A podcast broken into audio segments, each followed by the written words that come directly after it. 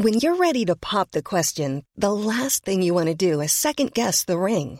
At Bluenile.com, you can design a one of a kind ring with the ease and convenience of shopping online. Choose your diamond and setting. When you find the one, you'll get it delivered right to your door. Go to Bluenile.com and use promo code LISTEN to get $50 off your purchase of $500 or more. That's code LISTEN at Bluenile.com for $50 off your purchase. Bluenile.com code LISTEN. Good morning Sweden! Hur är det att stå på scen i en Las Vegas show? Är amerikanska män bättre än svenska? Och kan man verkligen gå på virtuell yoga? Du lyssnar på podden från Las Vegas där vi snackar allt mellan strippklubbar och Janssons frestelse, om USA, om Las Vegas och om Sverige från ett utlandsperspektiv. Häng med!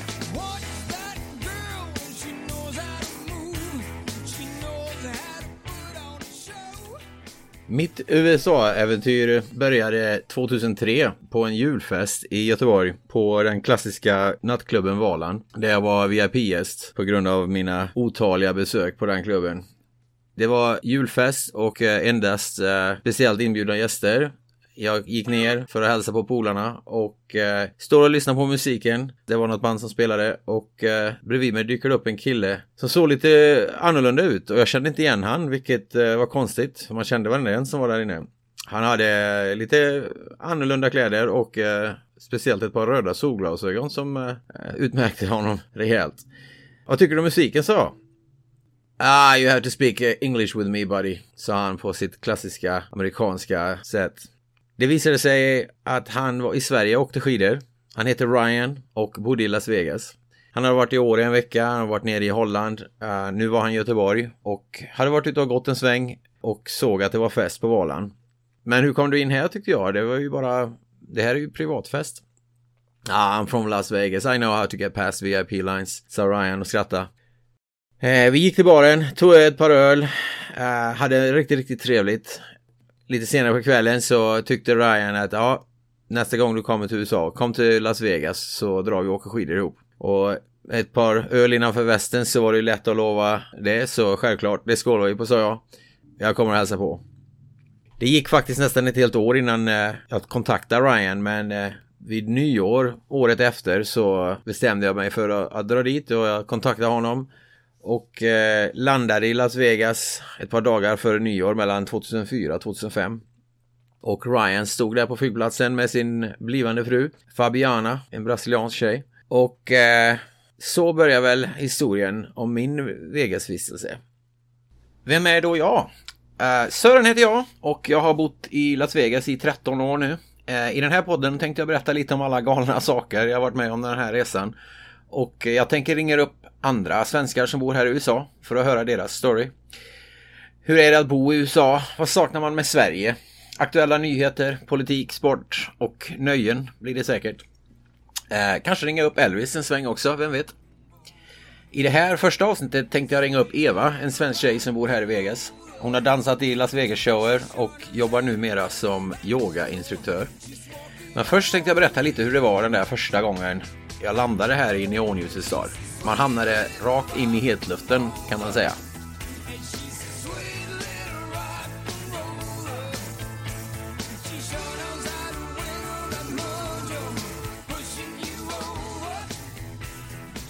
Efter att ha hittat mina väskor på karusellen så gick vi ut till parkeringen där vi fann Ryans bil.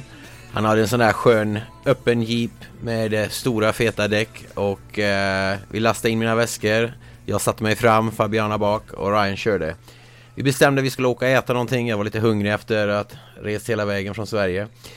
Eh, men först skulle vi cruisa genom The Strip, tyckte Ryan. Att se Vegas från eh, flygplansfönstret är ganska coolt. Man ser alla neonljus och sådär, men det ser hyfsat litet ut. Det är först när man kommer ner på marknivå så att säga som man ser hur stort allting är. Där satt man i en öppen jeep, uh, Red Hot Chili Peppers på stereon och så gled man fram längs the strip med alla kasino, alla neonljus och uh, ja, det var hur häftigt som helst. Uh, man var som ett enda stort leende. Uh, vi sa inte så mycket för det var mest musik på radion. Men efter att ha passerat strippen och på väg upp till Ryans uh, lägenhet så sa Ryan, ja vad ska du göra i Vegas nu då? ja, sa jag. Jag vet inte. Du får väl hitta på något. Ja, jag antar att du ska gå på strippklubbar och, och, och gamla och ha roligt, sa Ryan. Ja du, sa jag. Uh, ska jag vara helt ärlig så har jag aldrig varit på strippklubb i hela mitt liv så det vet jag faktiskt inte om jag är sugen på, sa jag. Va? Skojar du, sa Ryan? Har du aldrig varit på strippklubb? Nej, sa jag. Det har jag inte. Han tittade på mig och så skruvade han ner radion. Fabiana hade ju inte hört någonting vad vi sa där fram och Ryan säger du Fabiana, Sören är lite trött så det blir ingen mat eh, så jag släpper av dig hemma hos dig så eh, ska vi bara åka hem och lägga oss så får vi ta det imorgon. Hon protesterar lite lätt, hon var ju hungrig men eh, nej, jag kör hem dig sa Ryan. vi svängde ut i något villaområde och Fabiana sa hej då och gick upp mot sitt hus. Ryan tittade på mig och så sa han We are going to a strip club. Så hem med väskorna, uh, fräscha upp sig lite och sen var det bara att hänga med. Det är lite annorlunda att gå på strippklubb i Vegas. I den här stan har man lärt sig nu efter alla år att att vara strippa i Las Vegas är faktiskt inte så nedvärderande som man kan tänka sig. Det har en helt annan klass att vara strippa i Las Vegas än på andra ställen. Så här tar Ryan med mig till en strippklubb. Jag vet inte vad jag har att vänta. Men vi går in och så fort man kommer innanför dörren så kommer två tjejer i endast minimal bikini och börjar klänga på mig. Ah, hi, who are you? Oh, you're so beautiful. Where are you from? Jag fick panik. Jag hade ingen aning vad jag skulle göra. Och jag bara, Ryan, help me. What shall I say? Ja, ah, det var roligt. Ryan bara skrattade och eh, tog med mig till baren. Vi satte oss ner, tog en öl och eh, genast så hade man eh, de här två tjejerna sittande bredvid, eh, bredvid oss och eh, Ryan köpte en drink till dem och vi snackade och vi pratade på. Eh, jag var ju väldigt nervös och visste inte riktigt hur man skulle bete sig men eh, Ryan tyckte bara det är lugnt. Det var min första besök på strippklubb i Las Vegas. Jag får väl säga att jag är ingen stor fan av strippklubbar så. Eh, även om det är en väldigt vanlig sak här i Vegas man går till strippklubb när man har vänner eller bekanta som kommer till Vegas och vill se hur det är, så man tar med dem dit. Men eh, i ett annat avsnitt av den här podden ska jag berätta min eh, långa berättelse om strippklubbar i Las Vegas.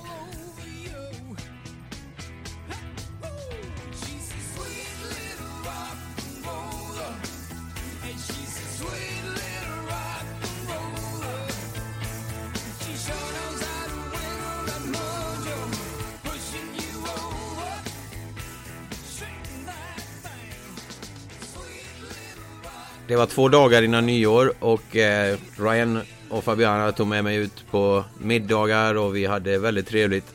Eh, och på nyår så bestämde vi oss att gå till eh, The Palms Casino.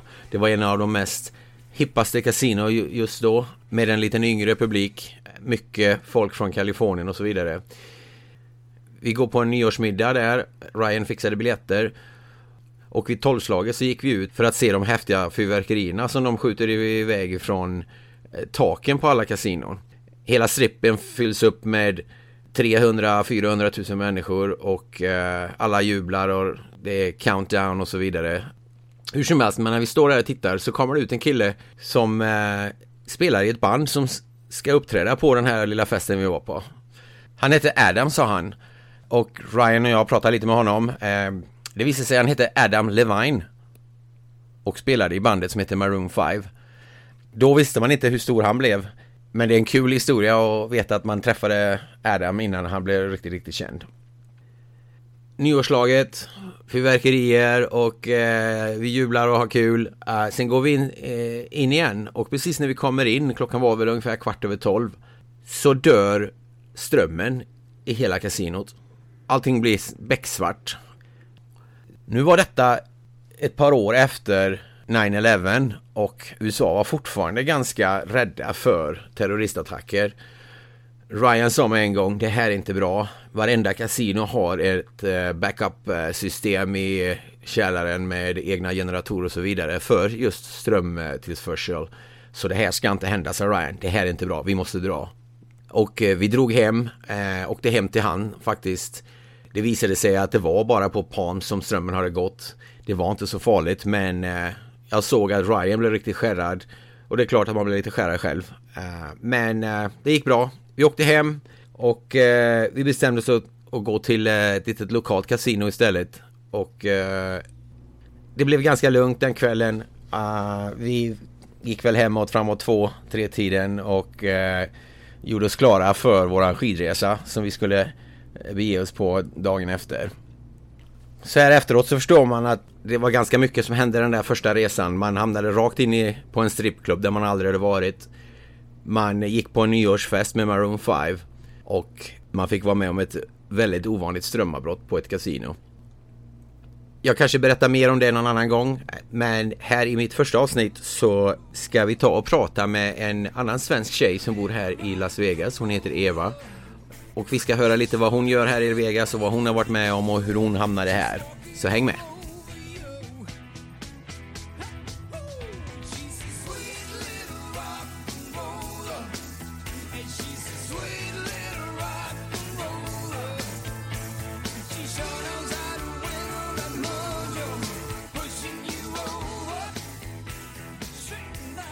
Okej, okay, så nu har vi Eva med oss. Uh, Hej Eva! Good morning Sweden!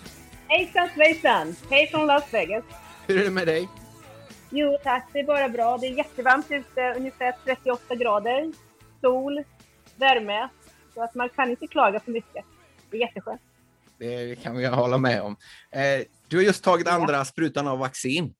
Hur känner du dig? Mår du bra? Nu är det, känns det bra. Vi får väl se hur det blir imorgon, morgon bitti när jag vaknar. Vem vet? Jag har eh, pratat med andra. Somliga känner sig jätteskönt bra, inga problem. Andra har haft feber och väldigt trötta. Det är det som jag har hört mera. Att folk är väldigt trötta efter det. Andra dagen, då mm. blir de trötta. Så vi får väl se. Mm. Det får väl bli som det blir. Var det nu morse du tog eh, sprutan eller? Nej, det var klockan tre idag eftermiddag. Så det är ganska nyligen då? Får vi se hur du mår imorgon. Jag mådde väldigt dåligt när jag tog min spruta eh, efter andra dagen. Nu tog du eh, Pfizer, jag hade Moderna och det har jag läst om att de, det finns fler som får eh, biverkningar av andra sprutan där. Jag fick ju feber i två dagar och var väldigt trött som du säger. Ja, vi får se hur det blir. Jag måste ju jobba imorgon. Jag hoppas att jag inte har feber. Jag måste ju jobba. Det är såklart, får vi hoppas. Eh, jag tänkte att du kan presentera dig själv. Vem är, vem är Eva? Ja, Eva Hallbäck. Jag Eh, född i Sverige, Linköping. Pappa var svensk och mamma är isländska. Eh, så jag bodde där då i några år och sen så flyttade hela familjen till Island eftersom mamma var isländska och de ville faktiskt att deras barn, jag och mina syskon, skulle ha lite mera, eh, vad ska man säga, säkrare uppväxt. Det är ju inte så många som bor där, det är 350 000 ungefär. Och väldigt lite våld. I och för sig, det är inte jättemycket våld, eller var inte det på 60-talet våld i Sverige, men det är lite mindre på Island. Så de tyckte då att det skulle vara lite mera ja, fredfullt att vara på Island och ha barn på Island. Så vi åkte dit, flyttade och eh, det var ju jättefint, underbart att bo på Island. Fin uppväxt, um, underbart landskap. Men vi kommer alltid tillbaka till, till Sverige. Vi har ju ett sommarställe där, Jaha. i uh, Linköping. Mm. Och det är då åkte vi nästan varje sommar. Och mm. uh, det var ju fantastiskt att kunna ha kontakt med fa familjen då, släktingar och vänner, även om man bodde på Island. Och det känner jag faktiskt nu också. Det är jätteviktigt för mig när jag åker till Island, till Sverige då varje år, och Island också, att ha kontakt med familj och släkt och, och, och, och vänner. Det, det, kan ju väldigt lätt hända då att när man åker från ett land att, att det är nästan borta då, va? att man inte kommer så ofta. Men det har alltid varit där och det har alltid varit andra hemmet, så att säga. Okej. Okay. Ja. Växa upp i Island och så, nu bor du i Vegas. Hur hamnade du här?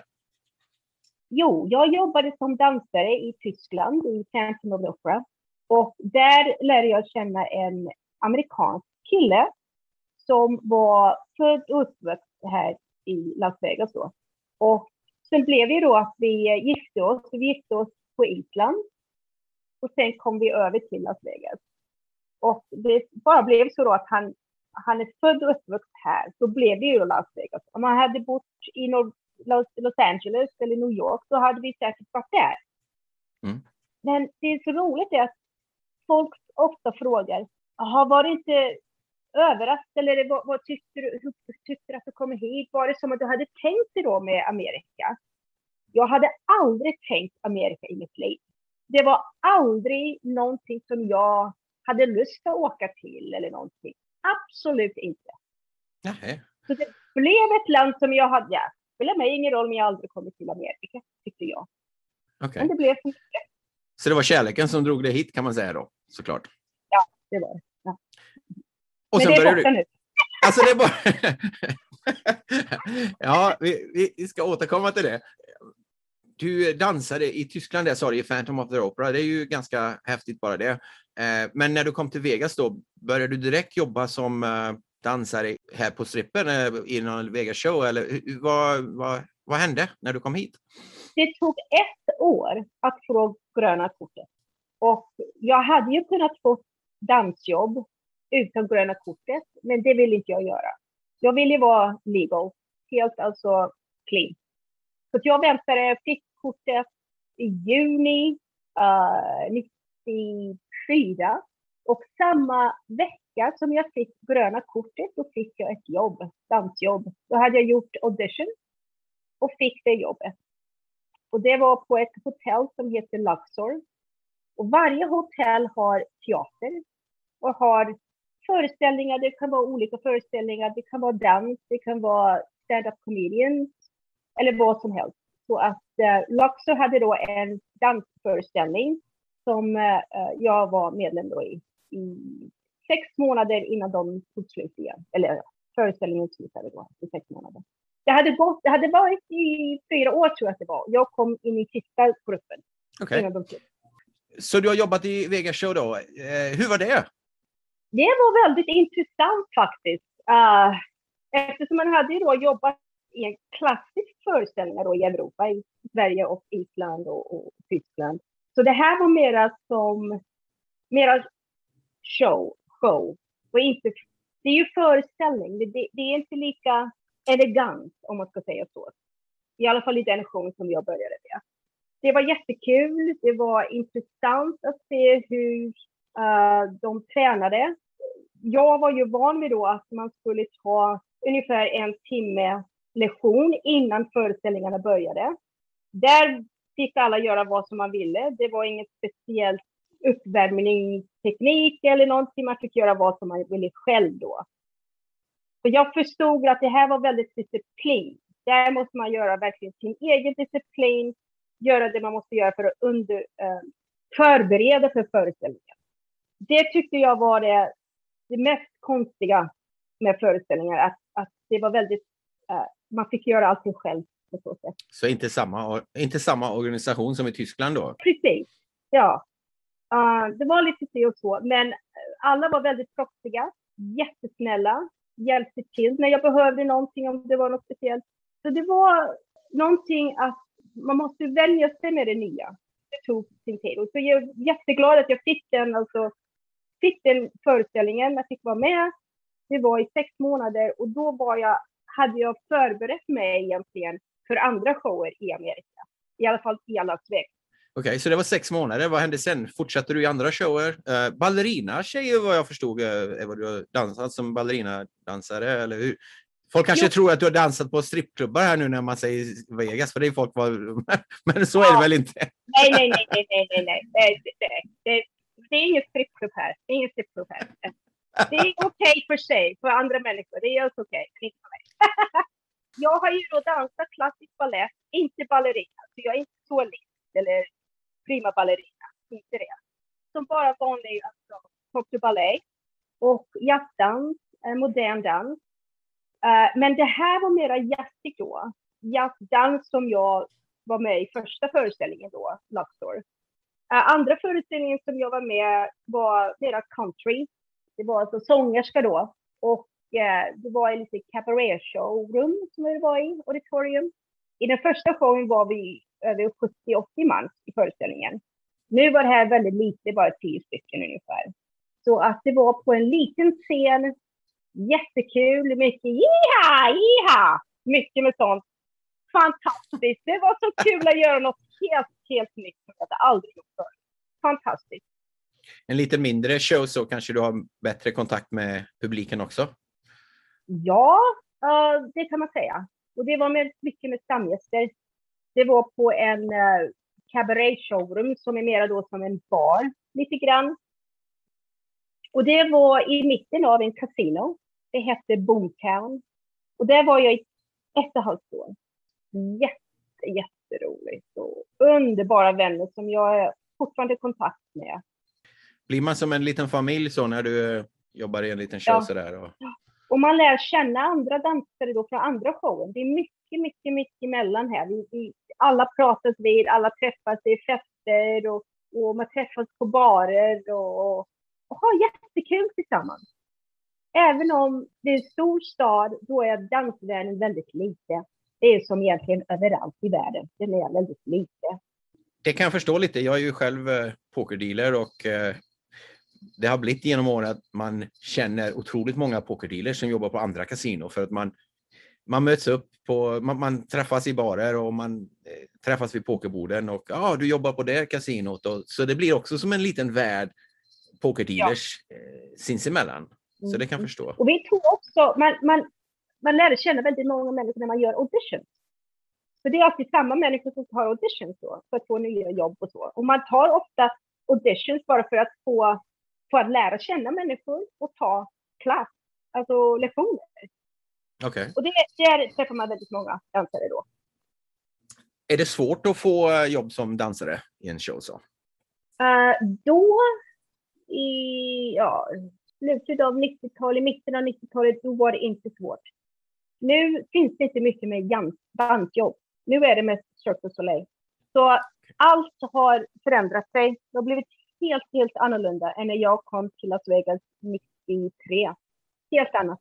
Eh, många dansare var tvungna att åka till Los Angeles, i New York, Chicago för att få dansjobb. För nu, ja, när var det? Ungefär jag slutade dansa 2003 och då hade då Cirque du Soleil börjat komma in i nästan varje hotell.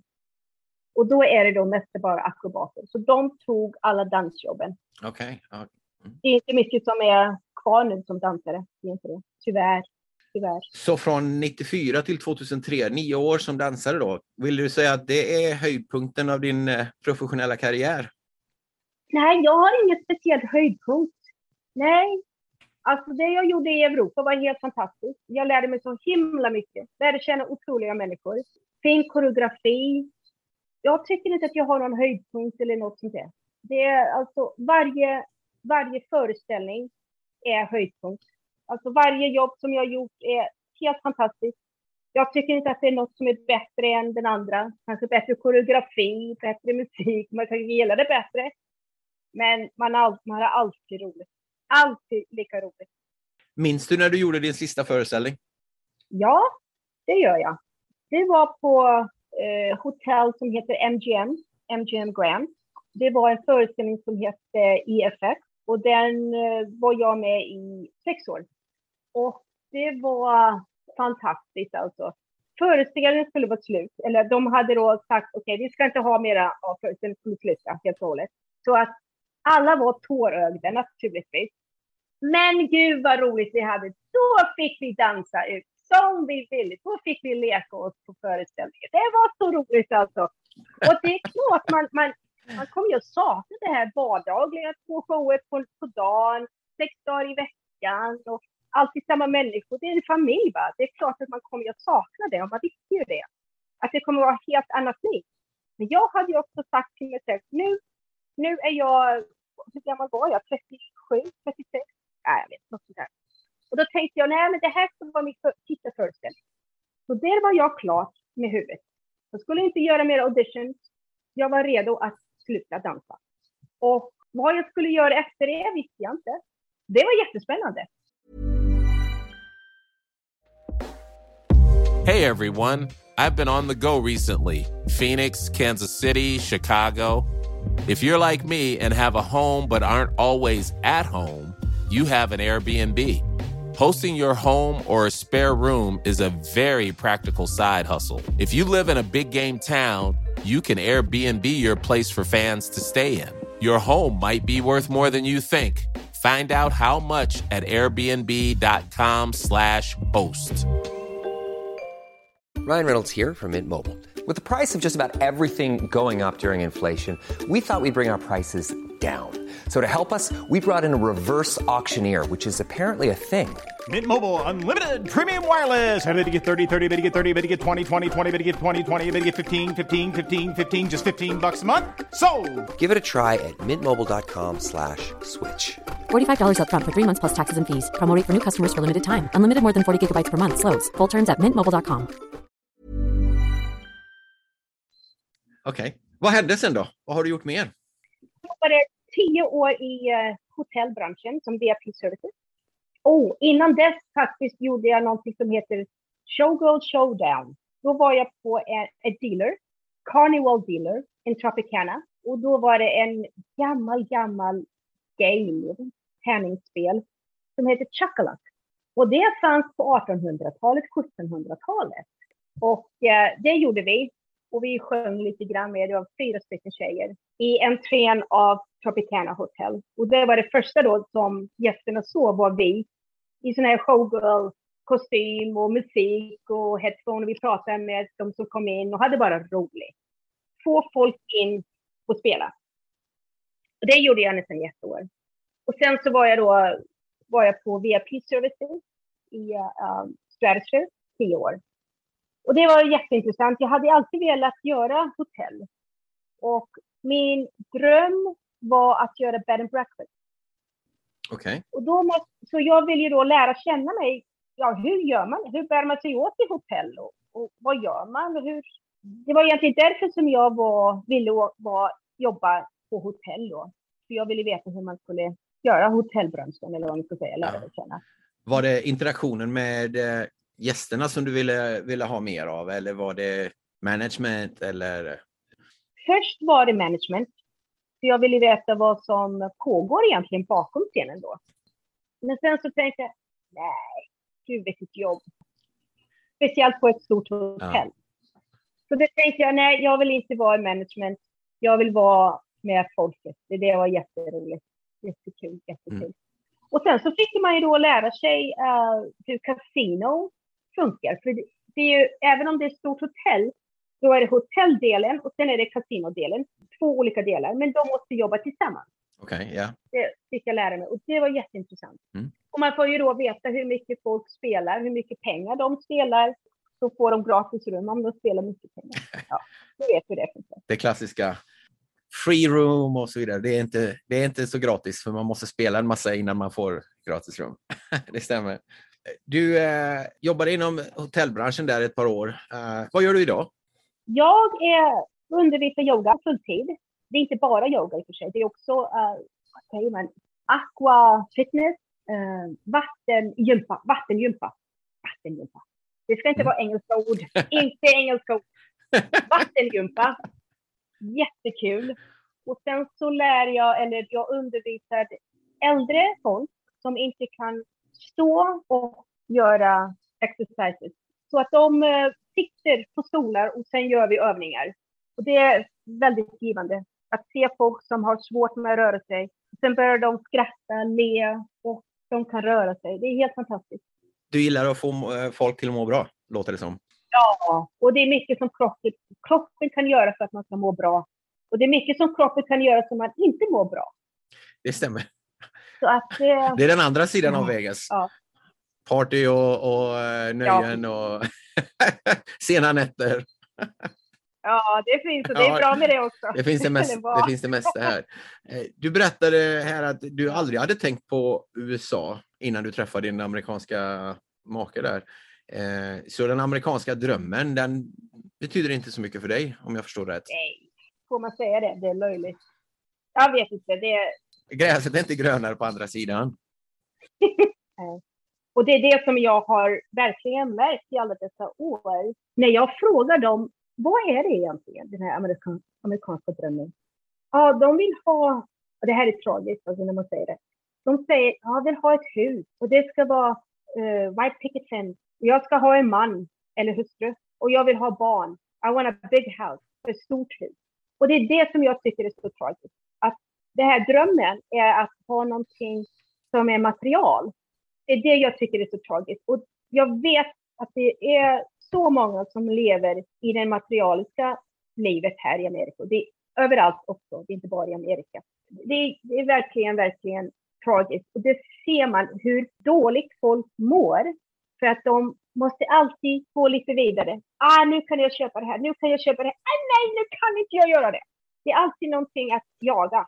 Skulle du säga att amerikanska människor är mer materialistiska än vad vi svenskar är? Ja, det är svårt du, det är svårt. Jag vet inte. Människor är människor överallt i världen. Och jag tror att den här marketing business, vad, vad heter det? De vill att alla ska köpa. Och det är det folk ser. Och de går direkt efter det. Det är överallt i världen. Men eftersom man lever ju här i Amerika så ser man ju det mera. Det är bara annonser, annonser, annonser. Om jag har det här, om du har det här, då är du glad, du är lycklig. Då är allting så bra. Och det är det att folk faller för det. Det är jättemycket här.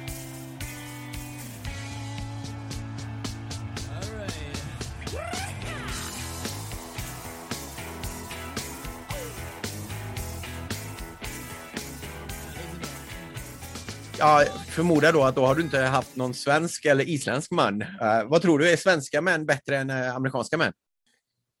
Jo, jag kan ju säga med de män som jag varit tillsammans med, det låter ju de män, jättemånga, men nej. Jag har haft svensk, jag har, jag har haft, haft och tysk.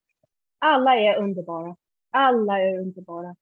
Varje människa har sin egen karaktär.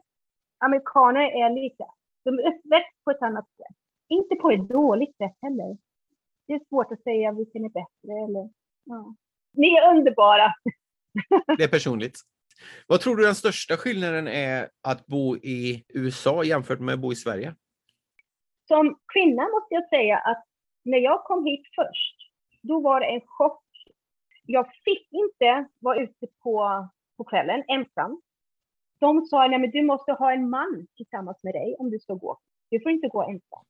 Karlar ska ta hand om tjejerna här. Och jag känner mig som i en äh, fängelse här i början. Och som tjej kan man inte göra vad som man skulle kunna göra på andra ställen. Sverige är ju känt för att vara det mest jämlika landet i världen. Ett klassiskt rykte vi har. Ja. Uh, det är inte så här menar du då? Det här är det mer att mannen ska göra si och så och kvinnan ska inte göra si och så? Ja. Ja, ja. och det, ja, det irriterar mig fruktansvärt även nu, efter alla dessa år.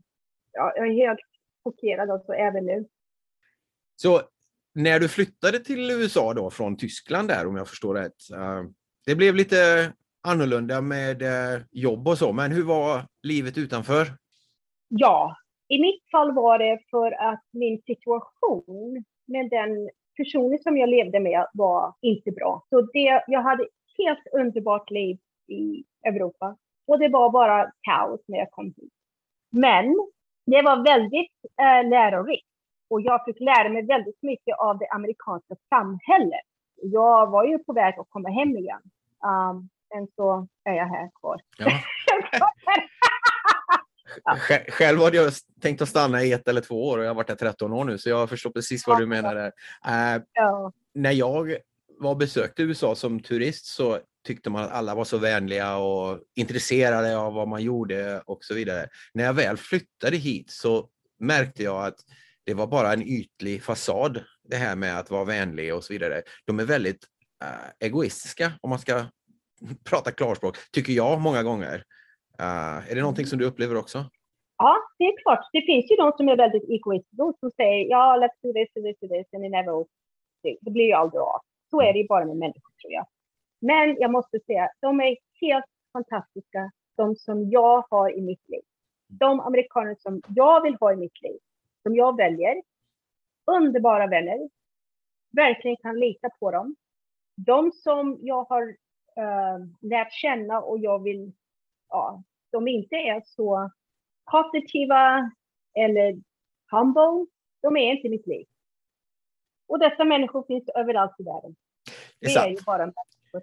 Så att nej, men jag absolut, jag håller med om det. Det är väldigt ytligt. Men sen är det underbara, djupa människor här. Så finns det ju Ja. överallt, eh, helt klart. Eh, jag kanske drar alla över en kam, men det vill jag inte göra, utan det är mer i allmänhet så som jag känner att eh, Mm. det, det är en ytlig fasad på många. Sen självklart finns det många bra också och det är de man väljer att umgås med. Eh, Ja. Och vem vet, de kanske tycker samma om oss, om mig.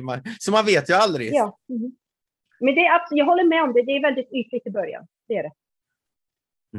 Nu är du yogainstruktör och du berättade för mig här för ett tag sedan att du håller på med virtuell yoga. Vad är det? Ja, det är genom den underbara Zoomen.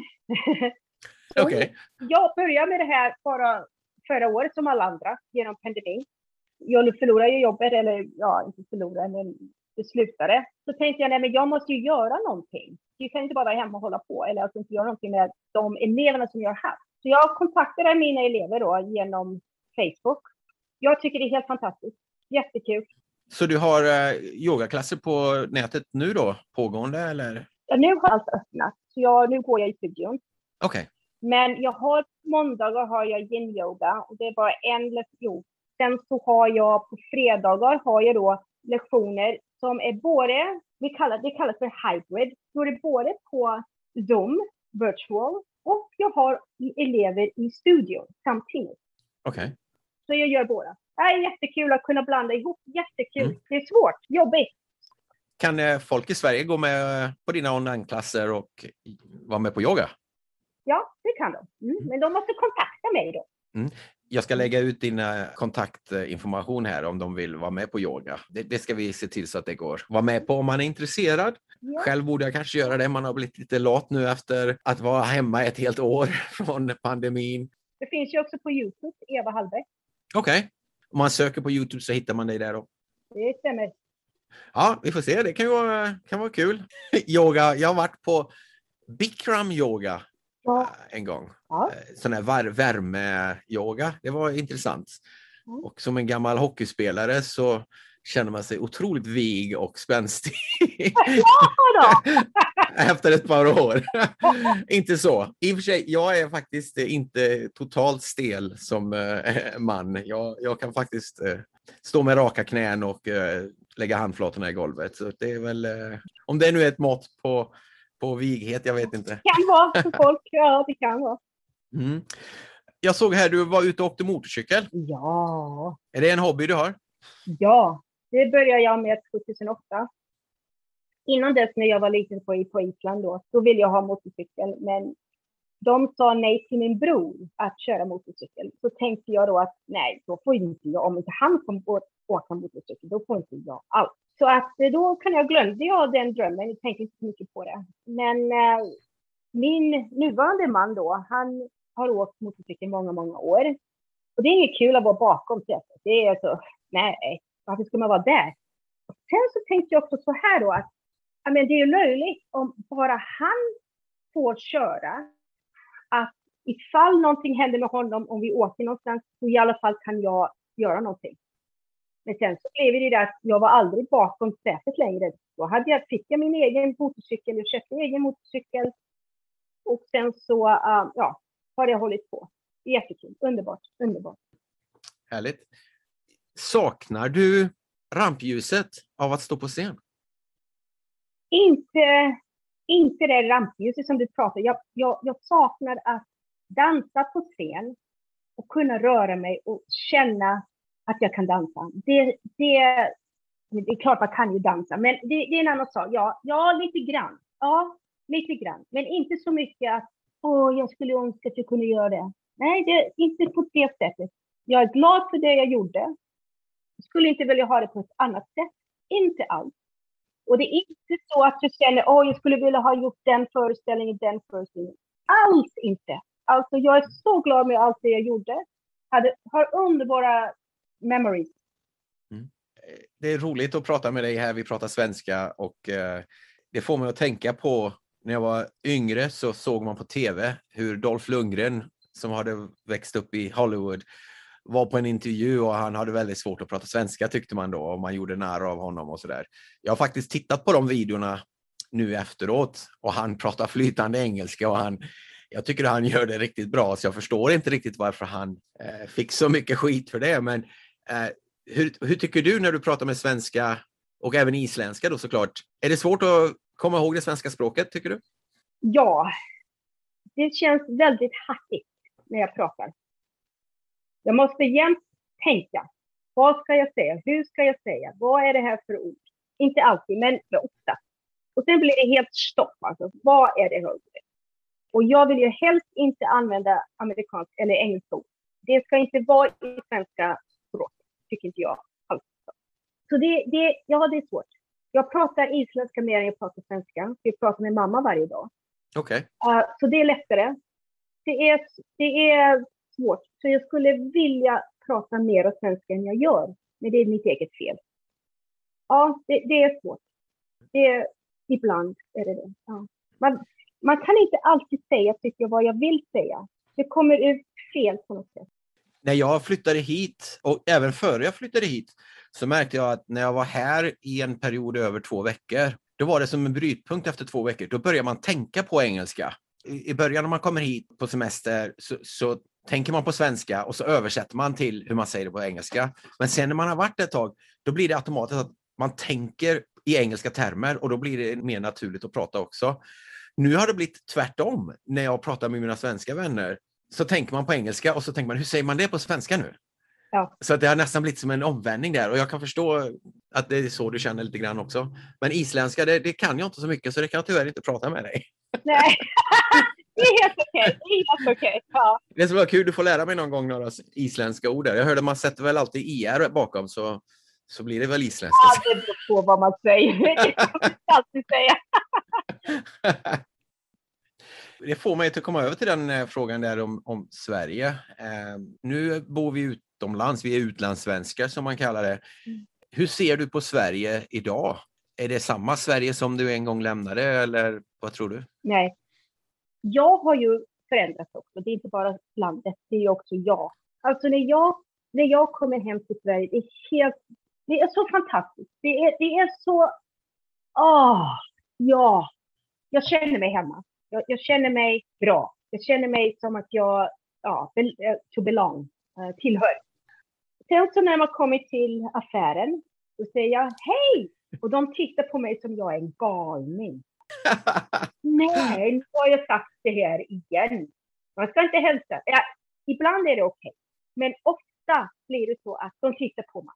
Och så det blir lite så här att jag har ändrat. Jag har blivit öppnare mot andra människor jag tar givet att folk säger ursäkta om man bump into eller någonting. Ja. Men i alla fall, det, det kan vara lite uh, för mycket här också. Allting lilla man gör, då är det oh, excuse me, excuse me, ja, lite så här. Men ja, jag, jag känner att jag, jag tycker det är ganska stelt i Sverige. Om jag skulle flytta tillbaka, så skulle jag säkert irritera mig jättemycket. Mm. Det är sant. Vad saknar du mest med Sverige? Åh, nu börjar jag gråta. att vara i Sverige och lyssna på radio.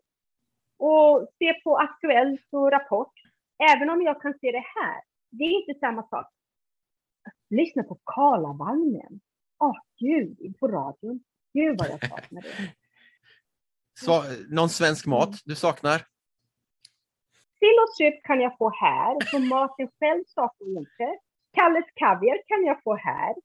Blodpudding kan jag inte få. Det skulle jag vilja ha, även om jag är vegetarian. Det är sant. Blodpudding, det äter man ju inte varje dag, men nu när man inte har det, då saknar man det. Helt sant. Det är mycket som jag alltså, kommer på. Och gud, nu skulle jag vilja ha det här. Nu skulle jag vilja ha det. Och räkost. Åh! Alla ostarna! Åh!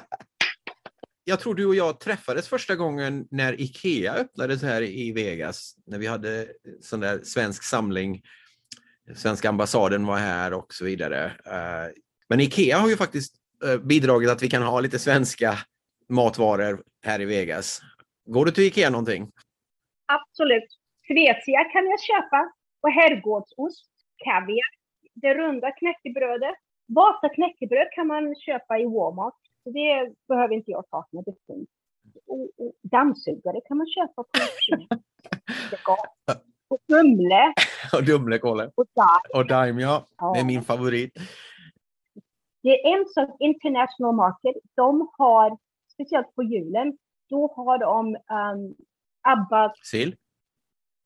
nej, de har det också, men de har ABBA ansjovis i vatten för att göra Janssons frestelse. Då är ju julen jul om man kan ha Jansson frestelse. Precis.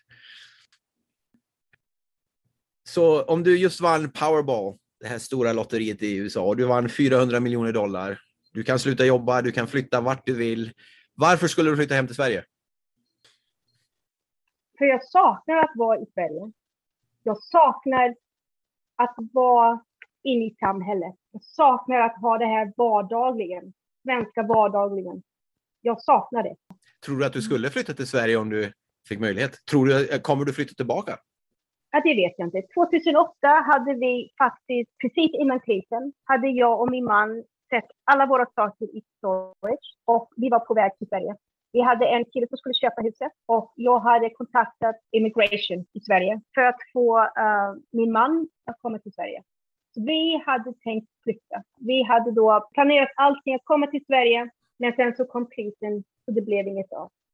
Det var ekonomikrisen 2008 där. Uh, sen kom Vegas tillbaka. Idag så har vi just börjat att öppna upp Vegas igen. Vi har haft stängt uh, mer eller mindre i ett år. Uh, Vegas är inte som förr. Hur ser du, ja, först och främst, hur, hur har pandemin påverkat dig och din, ditt vardagliga liv? Jo, all min undervisning gick ju under då. Min man, hans föreställning, Frukt och Soleil, han är ljudtekniker. Det blev inget mer jobb där. Tack och lov, i juni började jag undervisa. Det öppnades lite grann. Och sen så undan för undan har det öppnat. Så nu är jag helt öppen med allting. I oktober, jag tror det var i oktober, då fick min man veta då att hans föreställning, hans show, Humanity i New York, New York, skulle inte fortsätta. Så det blev lite, uh, det är nervöst med det. Vi uh, vet inte hur det blir utan ett jobb. Så det har varit väldigt nervöst. Men någonting måste jag säga väldigt positivt med det här. Att han och jag har varit hemma. Vi har lärt känna varandra igen. Det är så positivt. Det är så underbart. Det måste jag säga. För att sammanfatta lite om Eva Hallbäck här, yogainstruktör och före detta dansare på Las Vegas shower. Om eh, man sitter där i Sverige och har drömmen om att åka till USA, eh, skulle du rekommendera folk att verkligen ta steget och försöka komma hit eller vad, vad, vad tycker du? Jag tycker att man ska vara försiktig. Eh, om man vill åka, åk. Absolut. Och se för dig själv. Att vara turist är en helt annan sak än att bo här. Helt annan sak. Och tro inte att allting är så glamoröst och fint i Amerika. Det är bara inte det. Det är inte det. Det kan jag hålla med om. Uh, det, det, är mycket svårare att bo här än man tror. Men det är som du säger, gräset är inte grönare på andra sidan. Man kan ha ett underbart liv här, absolut. Absolut, fantastiskt liv. Men det är mycket som man måste ge också för att ha ett fint liv. Min eh, kompis sa faktiskt här så sent som bara för några dagar sedan att gräset är inte gröna på andra sidan. Det är lika gult på båda sidor. Ja, så är det ju bara överallt. Mm. Jag får eh, tacka så mycket Eva för att eh, du tog dig tid att vara med. Och har du några vänner hemma i Sverige du vill skicka en liten hälsning till så får du passa på.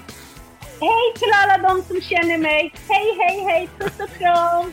Jag finns på Facebook. Jag är här. Inte så långt borta. Okej, okay, härligt Eva. Hoppas att vi ses snart. Det gör vi Sören. Tack så mycket. Hej, hej. hej, hej. Du har just lyssnat på första avsnittet av podcasten Good Morning Sweden.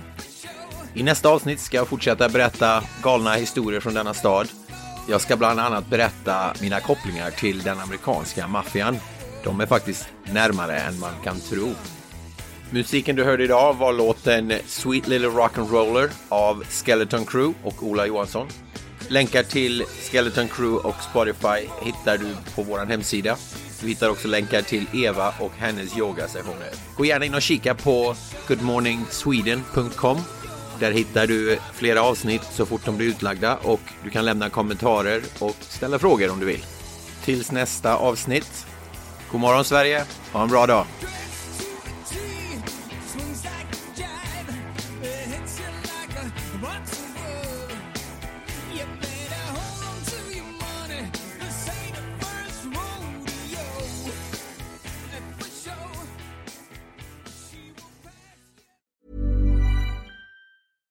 Selling a little or a lot?